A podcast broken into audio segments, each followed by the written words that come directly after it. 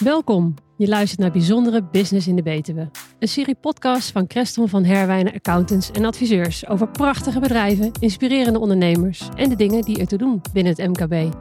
Voor iedereen die meer wil weten over bijzondere business in de Betuwe. Fijn dat je luistert.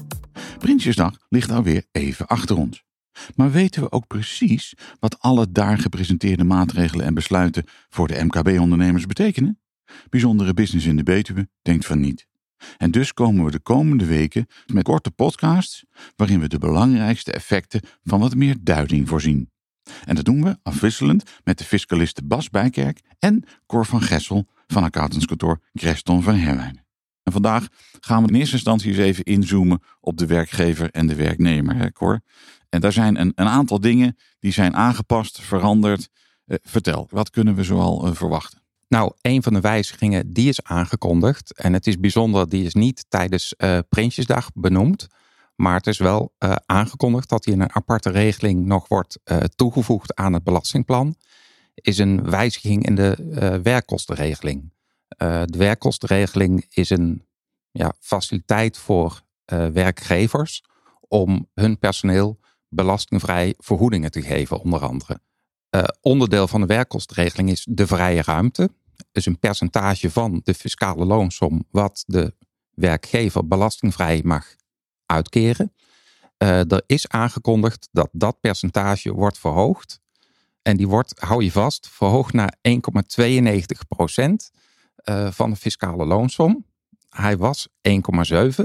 Het geeft uh, werkgevers wel de gelegenheid om ja, iets extra te doen uh, voor hun personeel. Dat is eigenlijk goed nieuws dus. Ja, de gedachte van de wetgever is dat uh, hiermee ondernemers, werkgevers moet ik zeggen, de mogelijkheid hebben om hun personeel ja, iets te compenseren voor de gestegen inflatie. Bijzondere business in de Betuwe. In de reeks van de afgelopen seizoen hebben we alles stilgestaan bij de werkkostenregeling. Dus als je nou nog meer wil weten over hoe dat nou precies werkt, dan kun je daar ook nog eens naar luisteren. Maar dit is, dit is in ieder geval een, een positieve ontwikkeling. Ja, het is iets waar werkgevers wat mee kunnen. Um, natuurlijk, het houdt wel in dat er ook weer een, als ze hem willen gebruiken, dat het weer een extra uitgave is voor de werkgever. Dat dan wel. Um, het is wel positief uh, dat er wordt meegedacht. Ik moet uh, nog één toevoeging maken. De verhoging geldt alleen maar voor de uh, eerste 400.000 aan fiscale loonsom van het bedrijf. Voor alles wat daarboven geldt weer het, het oude percentage. Dat blijft hetzelfde, 1,18% aan vrije ruimte. En dat betekent in feite dat dit vooral gericht is op de wat kleinere ondernemingen dus? Ja, op de MKB. En dan hebben we ook nog iets met belastingvrij vergoeden. Uh, dat is ook nog een beetje veranderd volgens mij, Cor. Klopt. En dat, uh, die wijziging die zit in de onbelaste reiskostenvergoedingen. Um, daar ga ik even ja, ruim 20 jaar terug. toen was de belastingvrije vergoeding 28 eurocent. In 2004 is die verlaagd naar 18 cent. Hij gaat met grote stappen omlaag. Uh, daarna is hij één keertje nog met 1 cent gestegen naar de, de 19 cent die we nu kennen. En ja, het, uh, het beleid lijkt een beetje op dat van de banken. Uh, rentewijzigingen naar beneden, die worden heel snel doorgevoerd. Maar rentewijzigingen omhoog, daar, daar, zijn ze heel terughoudend in. Nou, de, ja, ik denk dat menig ondernemer dit gaat herkennen. Nou ja, onze wetgever is net zo. Uh, volgend jaar gaat uh, de onbelaste reiskostenvergoeding, is tenminste het voorstel, met 2 cent omhoog naar 21 cent kilometer. Wauw. En in 2024 naar nog een cent, een hele cent, naar 22 cent. Ik praat daar wel eens over met ondernemers en die moeten eigenlijk over die 90 cent een beetje lachen. Want die hebben ze, joh, wat, wat denk je nou zelf? Dat, dit, dat dat ook echt eh, compenseert, de kosten compenseert? Of, of overdrijf ik nou, Cor? Nee, zeker niet. Het, het uh, Nibud heeft al een keer een berekening gemaakt uh, dat een gemiddelde auto 49 cent per kilometer kost. Dus die vergoeding die je onbelast mag vergoeden, uh, die komt totaal niet uit uh, bij, de, ja, bij de werknemer. En daar kan ik wel mooi een bruggetje maken naar de werkkostenregeling. Want we, wij hebben ook klanten die zeggen: Nou goed, ik doe die 19 cent uh, onbelast. Hè, als dat, dat, dat, is een gerichte vrijstelling, dat mag. maar daarnaast, die vrije ruimte die ik heb en die ik net noemde, die iets wordt verhoogd, die ga ik gebruiken om een iets hogere onbelaste uh, reiskostenvergoeding te geven. En geen rare fratsen. Ik, ik gebruik hem gewoon bij de reiskostenvergoeding. Maar is ook een advies aan ondernemers. Wees daar creatief in. Denk daarover na in, in relatie tot die werkkostenregeling. Ja, klopt. De thuiswerkvergoeding is ook veranderd, Cor. Klopt, die, eh, die is nu 2 euro uh, per dag.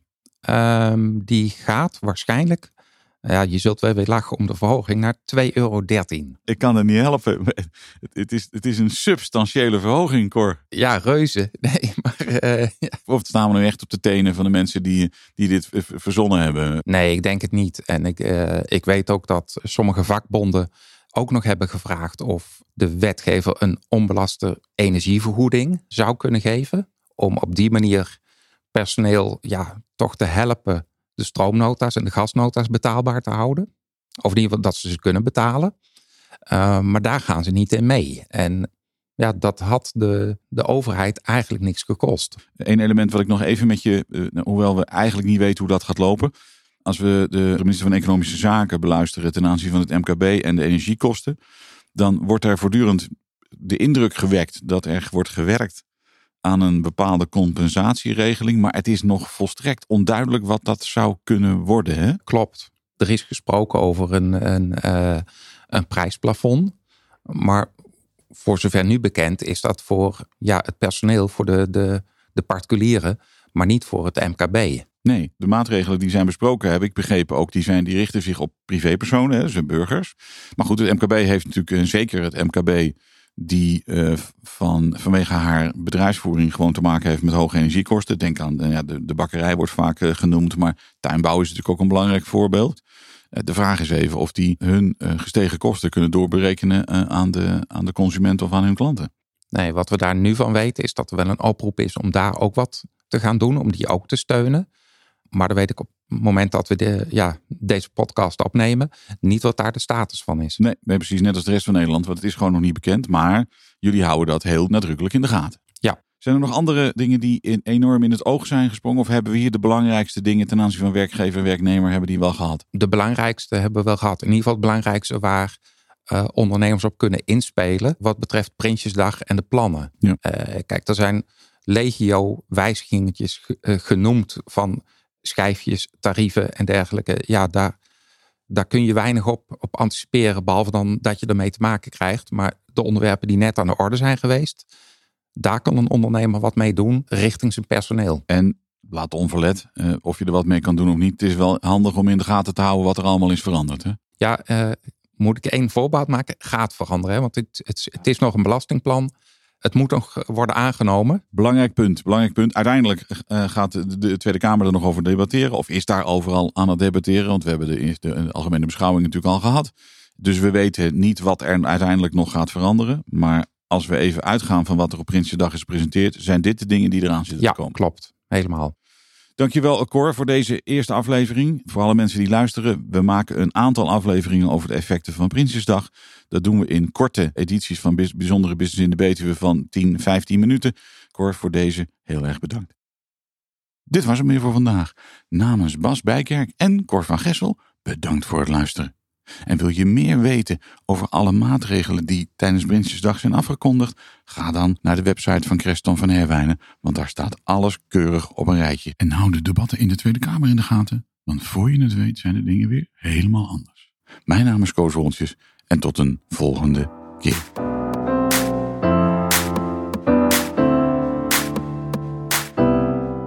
Dit was weer Bijzondere Business in de Betuwe. De podcast van Creston van Herwijnen Adviseurs en Accountants.